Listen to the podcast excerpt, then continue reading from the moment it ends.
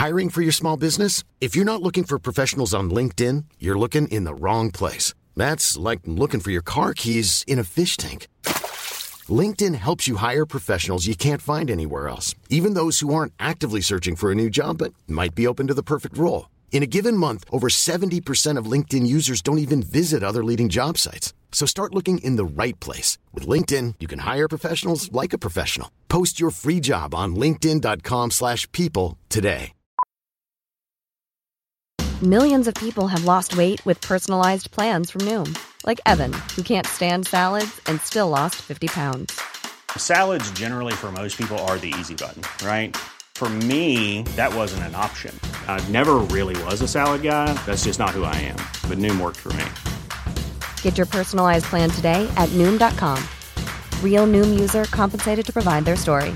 In four weeks, the typical Noom user can expect to lose one to two pounds per week. Individual results may vary.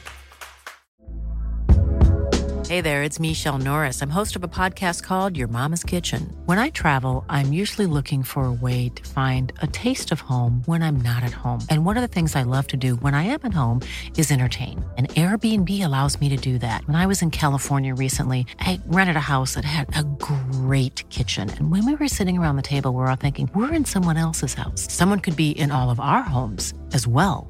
If you have a home, but you're not always at home, you have an Airbnb. Your home might be worth more than you think.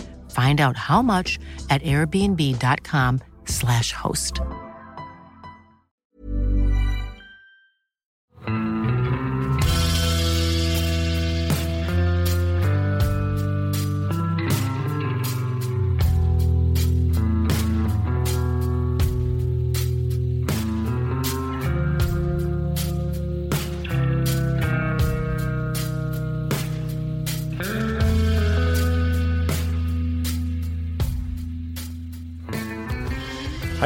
Og velkommen til podkasten Uteliv. I dag så sitter jeg Jeg ville gjerne kalt det en skog, men det er nok mer en forlatt granplantasje. Sola titter så vidt ned, bålet spraker, og med meg har jeg en av eh, Norges aller, aller flinkeste formidlere av naturopplevelser i eh, tekst og bilder. Velkommen til Marius Nergård Pettersen. Jo, tusen takk. Det var en veldig veldig hyggelig intro, Randulf. Veldig, veldig sann nå. Du har nettopp kommet med ei ny bok. Kan du fortelle hva den handler om? Altså, Boka heter omtrent akkurat det den handler om. Den uh, heter 'Hemmelige hytter', og handler om hemmelige hytter. Den handler om bitte små, ofte ulovlig bygde, men ikke nødvendigvis ulovlig heller, uh, hytter som er gjemt borte i norsk natur. eh, som ligger i skogen eller på fjellet, nede i kløfter, på små berghyller, i skogholt der hvor ingen andre går. og som av en eller annen grunn er skjult og gjemt vekk. Hva slags grunner har folk for å lage seg hytter som er hemmelige og skjult? Det er jo det jeg har prøvd å finne ut av. da. Fordi altså, boka handler i stor grad om menneskene som står bak disse hyttene, og grunnen til hvorfor de er der. Um, og det jeg har prøvd å undersøke, er akkurat det. Hvorfor ligger de hyttene her? Og uh, hva, er, hva, er, bakgrunnen for at mennesker har hatt behov for å skjule seg vekke i skogen? Og det er mange, veldig mange forskjellige grunner, men uh, du kan på en måte dele hyttene inn i tre kategorier. Uh, og det er krigshytter, det er uteliggerhytter, og det er det jeg vil kalle turhytter eller turkoier, som, som er brukt av mennesker som har vært glad i å gå, gå, på tur, rett og slett, eller være ute i naturen. Eh, eller jegere eller fiskere, som på en eller annen måte har hatt et, hatt et eh, spesielt sterkt forhold til et område, og så, og så eh, til slutt funnet ut at de skal bygge sitt eget lite krypinn der ute. Og dette her er jo kanskje den typen det fins flest av der ute. Eh, men det fins også krigshytter som er bygd av eh, mennesker som drev med motstandsarbeid, motstandsarbeid, som drev med spionasje, etterretning, eh, radiostasjoner under andre verdenskrig. Og det fins uteliggekoier eh, som det ikke er så veldig mange igjen av i dag, men som spesielt tidligere var et ganske vanlig innslag rundt, rundt de større byene i Norge. Med mennesker som rett og slett ikke hadde et sted å bo, og som valgte å bosette seg i skogen utenfor byen. Sånn eh, i Oslo eh, kan man Altså hvor mange var det som levde sånn, og når var det måte, fenomenet begynte å forsvinne? Um, det har ikke forsvunnet helt. Nå ser vi jo at i, i dag så er det bl.a. en del romfolk. Flyktninger og andre som, som, bosetter seg i skogen, men de bosetter seg nok på en litt annen måte. Så det er jo et fenomen som fremdeles eksisterer, og som vi, uh, vi ser. Men det som, det som, veldig mange ikke er klar over, er at dette var ganske vanlig tidligere. Blant da fra etterkrig, eh, etterkrigsårene, hvor eh, en del mennesker slet med å passe inn i, inn i, samfunnet. Så nå har jo jeg vært ganske uspesifikk i boka. Jeg har, vært veldig, har, ikke, har ikke nevnt Oslo spesielt. Jeg har ikke nevnt et stedsnavn nesten i hele boka. Men Oslo er jo et av områdene hvor det bodde ganske mange mennesker eh, i etterkrigsårene ute i skogen rundt byen. Og bodde, mange av dem bodde i bitte små hytter som eh, var mer eller mindre skjult. Den jeg har skrevet om i boka som er dratt fram, er den, en av de som var absolutt mest skjult, for den ble ikke brent når Oslo kommune til slutt satte i gang en storopprydning og eh, fjerna de aller, aller fleste hyttene. Eh, mens andre lå mer åpent til. Og dette her ble bebodd av mennesker som ikke passa helt inn i, i, samfunnet ellers. Som kanskje hadde et uh, rusproblem, som uh, Eh, kanskje hadde krigstraumer. Eh, blant annet flere krigsseilere som bodde sånn. Eh, og som da fant en slags tilværelse i sånne bitte små Det vi kanskje ville kalt skjul i dag. Gjerne små bygg som var bygd av, av, materialer som var stjålet fra byggeplasser. Vi hadde bl.a. store byggeplasser rundt Oslo med bygging av drabantbyer fra 1960-årene og utover. Eh, og det, mange av dem henta materialer fra sånne, sånne, byggeplasser og bygde sine egne hytter. Det for så vidt litt utilsikta, men veldig billig boligpolitikk, egentlig? ja. Eh, det kan du si, men jeg tror ikke akkurat det var det som var målet til eh, Obos og de andre som eh, bygde, bygde drabantbyene. Uh, blant, blant, annet er en av disse hyttene står fremdeles utenfor, utenfor byen. godt relativt godt gjemt i dag. Eh, enda mer godt gjemt før eh, i skogen. Spennende. Men eh, hva, hva var det som gjorde at du blei interessert i det temaet her, og etter hvert så interessert at du bestemte deg for å skrive ei bok om det? Det starta veldig tidlig, for jeg hadde en onkel som når han var fra midt i tenårene og ut i, godt ut i 20-årene, så var han i en kameratgjeng som bygde hemmelige hytter i skogen. Du kalte det en granplantasje, og det er det. Eh, men vi sitter da i utkanten av, eh, av Lillomarka, som ligger utafor Nittedal. Eh, og skogen er, enda finere innover her, altså. Du har absolutt grunn til å bli med innover her etter hvert. Men han var en kameratgjeng som i de skogene her og lenger innover i Oslomarka bygde hemmelige hytter. Og de gjorde det fordi de var glad i å være ute i naturen. Og han var et, det unge tilskuddet i en gjeng med ganske mye eldre menn. Som eh, de eldre mennene hadde bodd da på annet ligget på skauen under andre verdenskrig. Og hadde et veldig sånn nært og tett forhold til det å være i skogen. Så når krigen tok slutt, når hverdagen kom tilbake, så, så fortsatte de med det livet der. Og bygde sine egne små sånne skjulte koier på plasser der ingen andre gikk. Og dette var jo sånne historier som jeg vokste opp med om skjulte hytter, om naturopplevelser, om eh, blant annet en historie hvor bestefar, nei, hvor onkelen min tok med bestemoren min ut i skogen. Jeg skulle vise henne en av disse hyttene. Og så eh, kommer de til en lysning i skogen, og onkelen min snur seg mot bestemoren min og sier eh, kan du, kan du se hytta? Og hun ser seg rundt og kan ikke se noe hytte. Um, og så sier onkelen min at du, du står på taket av hytta. Og sånne historier vokste jeg opp med, og syntes det var utrolig fascinerende. At det var noen som hadde bygd sånne hytter, at det gikk, gikk an å gjøre det. At det gikk an å gjemme seg så godt vekk. Og så har jeg da jobba med natur og friluftsliv, eh, formidling av det i eh, ti, over ti år. Og gått på med jevne mellomrom. Et, en hytte som står eh, nede i en kløft eller eh, på en plass hvor det ikke går noe særlig mennesker, og de står ikke på kartet, og det er helt tydelig at de er forsøkt gjemt vekk. Og så skjønt at dette her er en kultur som er Det er ikke bare noe veldig veldig sært og rart som foregår i skogen utafor Nittedal, hvor jeg vokste opp, men det er noe som man kan gjenfinne over absolutt hele landet. I skogene og på fjellet og ved kysten. Og så Den innsikten der har vokst sånn gradvis, og så til slutt så ble det en sånn eh, Kom det en idé, da, om å begynne å dokumentere dette her. For det er jo aldri dokumentert før. Og det har blitt denne boka. Interessant. Men hva er det man tenker på når man bygger ei hemmelig hytte? Eh, hvordan tenker man for at den ikke skal kunne finnes? Det er et uh, vanskelig spørsmål å svare på. Uh, for det er så mange forskjellige varianter av det. Men de jeg har uh, prata med, som har bygd sånne hytter, og nå begynner det å bli en del mennesker Jeg har besøkt sånn ca. 60 av dem, og kjenner til kanskje 200 totalt i Norge. Um, de har jo forsøkt å finne de stedene hvor de ikke blir oppdaga. Altså hvor det ikke går spesielt mange mennesker. Men også steder som ligger litt sånn ulogisk og rart til. Hvor man kanskje ikke finner hytta selv om man, eh, selv om man leter etter den.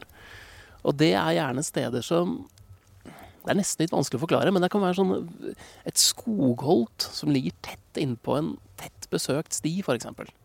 Eh, hvor det går mange mennesker. Eh, men hvor det, det skogholtet ligger så anonymt til. Det ligger så Det er ingen som tenker på å gå gjennom det engang. Eh, at der inne så kan man bygge et sånt lite skjul som man er ganske sikker på å ha for seg selv. Og så er det også selvfølgelig steder som ligger mer sånn spektakulært til. Inni steinurer og nedi huler. Eh, bak kjempestore steiner og ute på øyer og eh, Det er veldig mange forskjellige varianter av dette her. Eh, men de som ligger best gjemt, de ligger det jeg vil kalle litt ulogisk til. For å snu på eh, flisa, da. Hvis man eh, får samme interesse som deg og ønsker å spore opp sånne hytter, hvordan finner man dem? Ja, Da skal man i hvert fall ikke lese boka mi, for jeg har jo som prinsipp holdt, holdt tett med det, det, nærmeste man kommer i boka mi, er landsdelen de ligger i. Jeg har ikke engang brukt etternavn på kildene jeg intervjuer.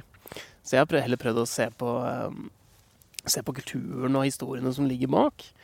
Og det er egentlig ikke noen det er egentlig ikke noen sånn måte å spole dem opp på. Noen logisk måte å spole dem opp på. Eh, de jeg har prata med som har hatt den interessen, har gjort det samme som meg. De har brukt enormt mye tid. De har banka på dører, og de har ringt, og de har sendt e-post, og de har lett etter bilder, og de har ja, snudd hver stein. Jeg hadde annet det ene intervjuet som hadde brukt flere uker bare på å finne én hytte. Og det eneste clouet han hadde, det var at han, han, hadde sett et bilde av den hytta på nettet. Og i samme, det samme al, altså bildealbumet så lå det et annet bilde av et vann som han gjenkjente. Så han bare antok at hytta måtte ligge i nærheten av det vannet. Eh, men dette er jo et, et, vann i skogen, i et eh, skogsområde med masse koller og kløfter og lier. Altså, han hadde et kjempeområde å lete i, men brukte da lang, lang tid og fant den til slutt. Eh, så du skal være veldig, veldig spesielt interessert for å bevisst drive og spore opp dette her. Når du er ute i terrenget, da, hvilke tegn er det som kanskje kan tyde på at du har ei hemmelig hytte i nærheten av deg? Noe du kan være, på en måte være obs på? Det er to ting som etterlater varige spor. Og det ene er eh, stiene. Altså veiene som de som bruker og har bygd hyttene, har gått for å komme dit. Og så er det vedhenting. Så du skal, hvis du er observant på det, eh, så kan du klare å med et trena øye se små stier, eh, kanskje nesten bare små avtrykk i terrenget som indikerer at her er det noen som har gått fram og tilbake flere ganger. Eh, og så finner jeg en sånn hytte. Men skal også, da skal du være ganske observant. Altså. Du skal allerede kanskje vite at her ligger det en hytte i, i området fra før. Men det er det som avslører en sånn hytte. Det er, jo, det er jo lyd og lys, selvfølgelig, men da skal du være der for å se det. Eh, eller høre det. Men så er det de der små tråkka. Og eh, sånne er det mange steder mulig å se, men mange er også veldig observante på det. De, de går samme stier, eller forskjellige stier inn hver gang de besøker hytta. Eh, jeg har intervjua en som bare tråkka på stein de siste 50 meterne opp en bratt li til du kom inn på det platået hvor hytta hans lå på. Eh, så det var helt umulig å se da fra den lille stien som lå 50 meter på undersiden, se at det var ikke en sti der, for han tråkka bare på steinene opp. Eh, så det er mye sånne sære, underfundige måter å gjemme vekk det her på. Så du skal lete ganske bevisst, altså. Mm. Men hvis du først eh, finner ei sånn hemmelig hytte, liksom, hva, er det, hva, er det, med stemningen eller med det du opplever der? Det må jo være noe der som tiltrekker deg, jeg ser for meg. Hva er det som er så stas med dem? Det jeg Jeg er jo ikke sånn utelukkende positive til at, eh, at, de bygges. I hvert fall ikke de som er bygd ulovlig og uten noen spesiell grunn. Eh, dette er et dokumentasjonsprosjekt. Det er ikke noe sånn prøver ikke å gjøre, få folk til å bygge sånne hytter. Eh, men det jeg syns er veldig fascinerende, når det skal sies, det er den derre store kontrasten med disse her små, veldig, veldig enkle stedene, og hvordan vi lever i dag. Eh, kontrasten mellom disse små hyttene og husene våre, det vi kaller fritidsboligene våre, som ikke ligner hytter lenger, men som ligner boliger. De er boliger. Eh, I hvert fall mye av det som bygges i dag. Føler jeg skammer meg litt allerede. Driver og bygger hytte. jo, men ikke sant. Jeg eh, sier ikke nødvendigvis at man skal skamme seg over det, men man skal i hvert fall tenke over øh, hva vi, hva vi bruker penger og hva vi bruker arealene våre på. Eh, for dagens fritidsboliger har jo gjerne de har eh, vei helt fram, de har garasjer, de har varmekabler, de har strøm, de har alt av internett og fasiliteter og vann og kloakk, altså alt. Og de er store, store som hus. Og så har du altså på den andre siden disse bitte små hyttene, og de har gjerne bare en benk, mange har jordgulv. Det er én vedovn. Eh, de har enkle vegger, et tak som kanskje bare består av noe stokker og noe presenning og uh, noe annet som man har klart å bære da, langt ut for å uh, De ligger ganske langt inn, en del av dem, så de, det er mye slit som ligger bak. Og så forteller altså de menneskene som har bygd dem og brukt dem, at her har de hatt noen av de fineste opplevelsene de har hatt i livet. De forteller om eh, fiske, om jakt, om eh, det der å åpne døra om morgenen og så eh, bitte liten dør. ikke sant? Det er sånn at du, må kroke deg ned for å komme inn og ut av den. Og så ser du morgensola utenfor som kommer gjennom tåka, og hører fuglelivet. Og, og der bygg, er du i et lite hus som Eller en liten eh, Bitte liten hytte som, eh, som nesten er helt skjult i terrenget. Hvor du nesten er en, mer en del av naturen enn at du har bygd deg ut av naturen. Og så sier de at her har de hatt noen av de fineste opplevelsene i livet. Og så det, det, gir en sånn veldig fin kontrast og bevissthet rundt hva vi faktisk bruker tid og penger på i dag, syns jeg. Og så liker jeg jo også det veldig spartanske, da. Jeg føler meg mer uh, til stede uh, når jeg bare er i et sånt i et telt, for den saks skyld. Det er jo ofte det jeg er i når jeg beveger meg ut i naturen. Men uh, også bare sånn så spartansk krype inn, hvor du liksom må Du må jobbe litt for å ha det bra. Uh, det, er, det, er, en sånn egen tilstedeværelse i det, altså. Hvis man finner ei sånn hytte, er det noen på en måte uskrevne regler for hvordan man oppfører seg? Det er jo de klassiske eh, reglene som man finner i andre hytter som deles, sånn som hos Statskog og Turistforeningen. At man eh, etterlater den som, eh, som, man, som man fant den, kanskje i enda litt bedre stand. Men veldig mange av dem står åpne, så det er fritt fram for alle som oppdager dem og bruker de aller, aller fleste. Jeg har aldri hørt om hytter som som forbeholdes de som har brukt dem. I hvert fall ikke sånne hytter sånne som er bygd, bygd på steder hvor de egentlig ikke skal, skal ligge. Eh, så det er, det er fritt fram å bruke, men de skal etterlates sånn eh, sånn som man fant dem. Og så er det jo Mange kaller dem hold kjeft-koier. Altså hytter som eh, man ikke skal fortelle om videre. Og det er jo på en måte litt av sånn eh, paradokset i det du driver med. At du, du skriver om noe som i prinsippet skal holdes hemmelig. Du har sagt litt grann om hvordan du har angrepet det, men du kan jo på en måte si litt mer om hvordan du har tenkt rundt det. da. Ja. Det er et kjempeparadoks, og noe som eh, jeg jobba Den tanken der jobba jeg veldig mye med før jeg satte i gang med prosjektet. Eh, Og noen vil nok eh, reagere på det. Eh, Men det Jeg syns det er en veldig spennende kulturhistorie, dette her. Altså, de er aldri dokumentert før. Og det å gå inn i noe som er aldri dokumentert før, er veldig interessant for meg som forfatter. Og det å vise at dette her er faktisk noe som eksisterer over hele landet. Så jeg syns det var verdt å gjøre, men å gjøre det på en veldig varsom måte. Eh, bestemte meg helt i begynnelsen for at jeg skulle ikke på noe som helst fora, verken i bok eller på nett eller artikler eller noe sted, eh, avsløre konkret hvor stedene ligger. Det står ikke ett stedsnavn i boka. Det, står Østlandet, det står Midt-Norge, det står Nord-Norge. Eh, men du kommer aldri nærmere enn det. Ikke bruk etternavn på de jeg prater om, for du skal ikke kunne søke dem opp og finne ut hvor bor disse menneskene. Så såpass eh, Såpass opptatt har jeg vært av å ikke vise, vise hvor de er.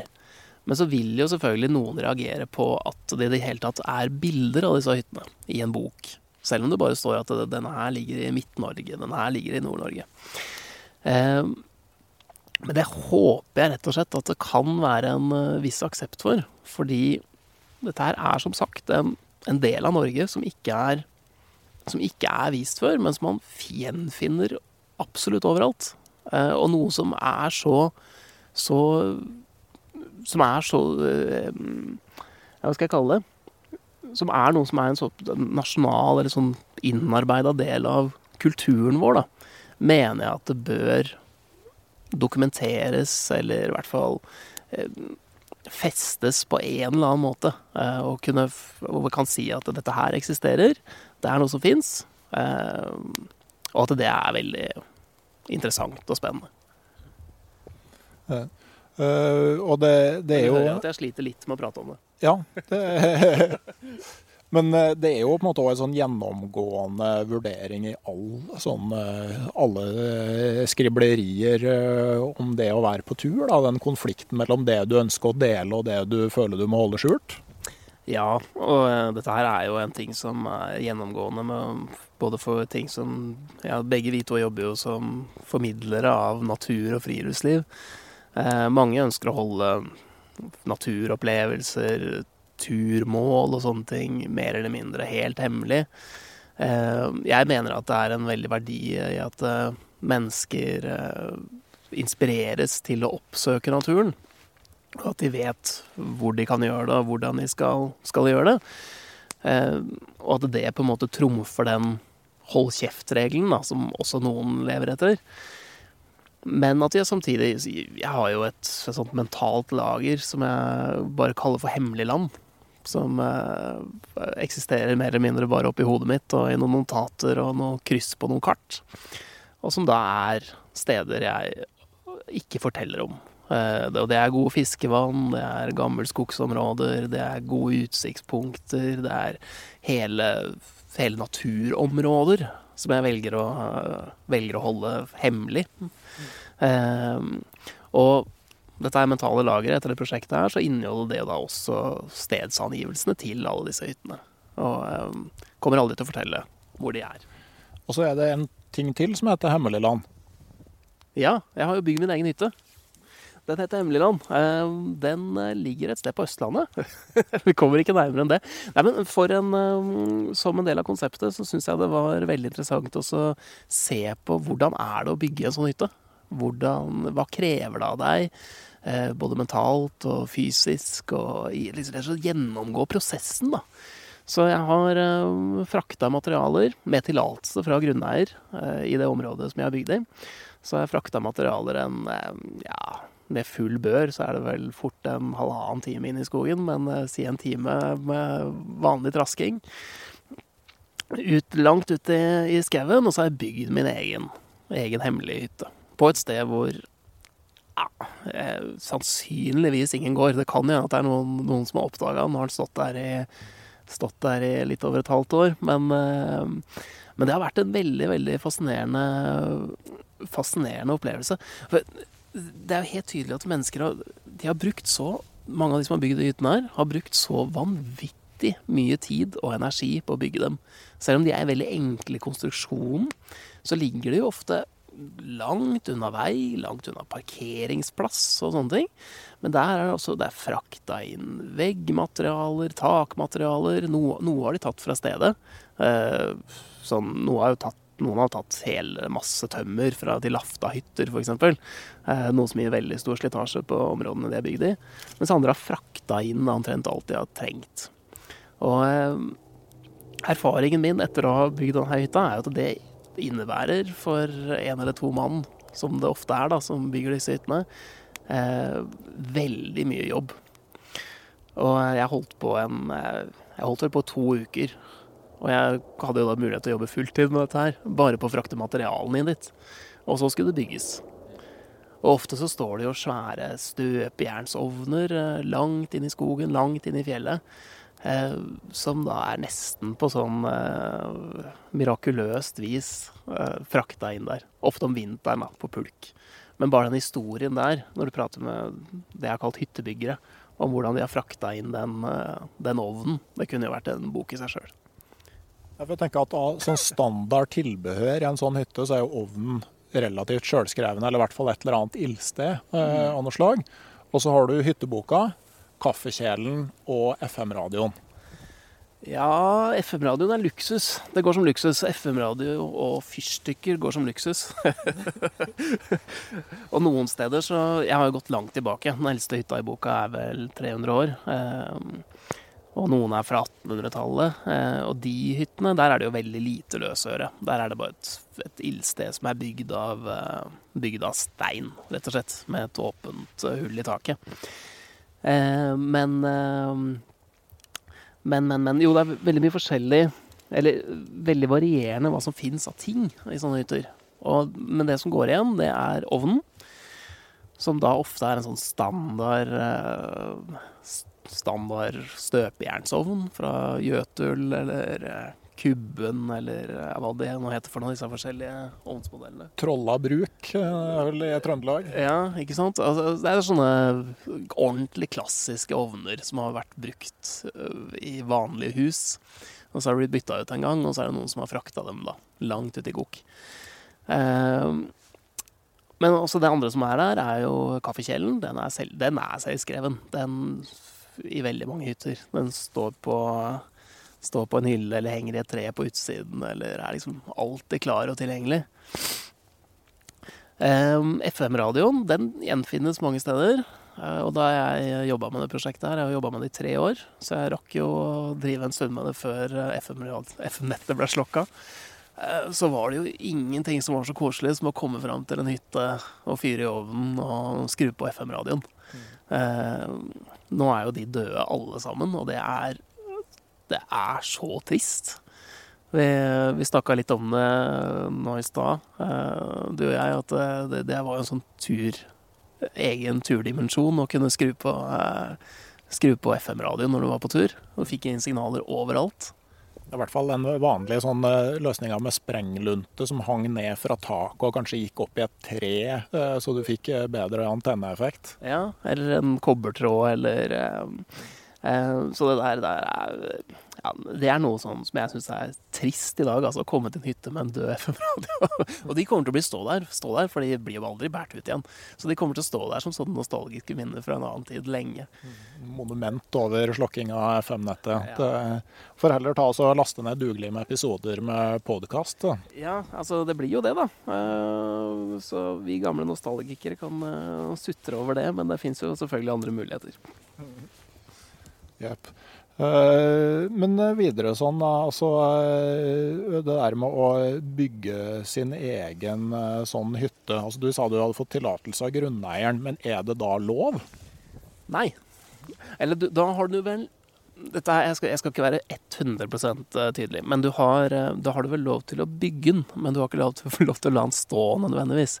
Eller nei, du har ikke lov til å bygge den heller. Fordi du dette er jo forskjellige varianter av hva slags bygg det er og sånne ting. Men et bygg skal samsvare med arealplanen på stedet.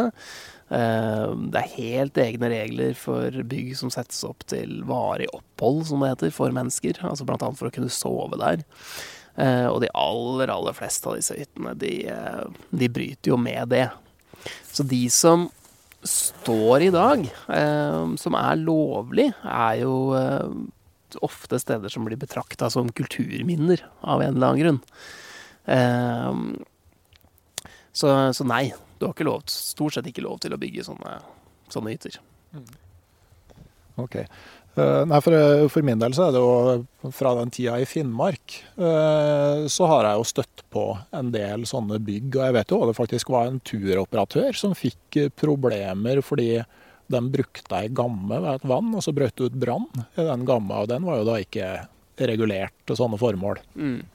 Ja, og eh, det er nok et problem eh, Jeg vet ikke om det er et problem, men det er nok et, et jevnlig brudd, brudd på juridiske regler der ute. Eh, med byggverk som ikke står i stil til, til lovverket. Som benyttes til overnattingsformål. Og det er nok noe man nesten bare må akseptere i Norge. For det det er, noe, det er, jo bygg som allerede står der, og som har blitt brukt i generasjoner. Eh, men nei, det er ehm, Det der er en, ikke en balansegang engang. Det er, det er brudd på regelverket. Men nå er jo boka ute, og den uh, går jo unna som bare det. Uh, flere tusen eksemplar ute i de tusen hjem. Får du noen tilbakemeldinger?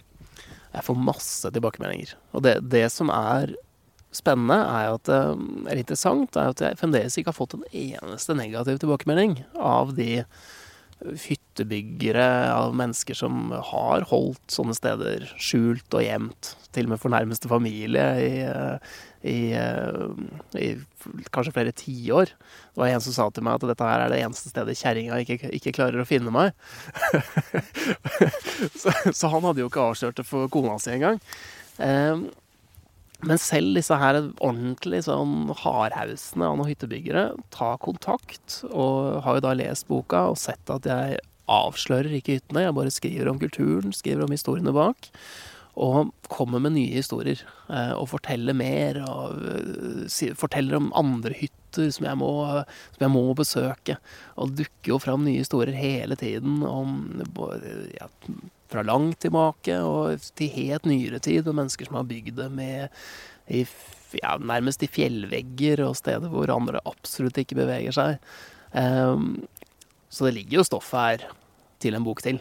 Og det um, er jo en ting som jeg vurderer nå om jeg kanskje må, må skrive en bok til.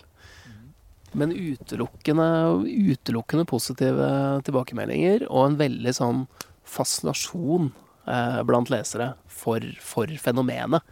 Eh, og for, eh, egentlig, det er jeg veldig glad for, for den derre mm, kontrasten som jeg prater om. Hvor de virkelig ser ser sjarmen i disse her små, veldig enkle stedene, og setter det i kontrast opp mot hvordan, hvordan de lever selv, og hvordan vi, hvordan vi bruker penger og bruker ressursene våre i dag. Så fra for meg til å Det har på en måte litt gått litt vekk fra hva er det der rene sånn dokumentasjonsprosjektet som jeg begynte med, til kanskje å bli litt mer sånn eh, Et prosjekt som jeg kan se på som litt sånn bevissthetsgjørende. Og det syns jeg er veldig, veldig gøy. Jeg tror eh, vi skal la det bli eh, siste ord. Og så må alle springe til en bokhandel i nærheten av der man bor og kjøpe boka til Marius, så kommer det en eh, utgave til. Jeg skal helt avslutningsvis eh, nevne at podkasten Uteliv samarbeider med Camp Villmark, eh, Norges største villmarksmesse, som går av stabelen på Norges varemesse fra 26. til 28. april i 2019. Da skal vi legge litt mer ved på bålet her. og bli sittende under granene ei stund til, så får dere eh, bare ta en tur ut, dere òg, til vi høres neste gang. Ha det bra.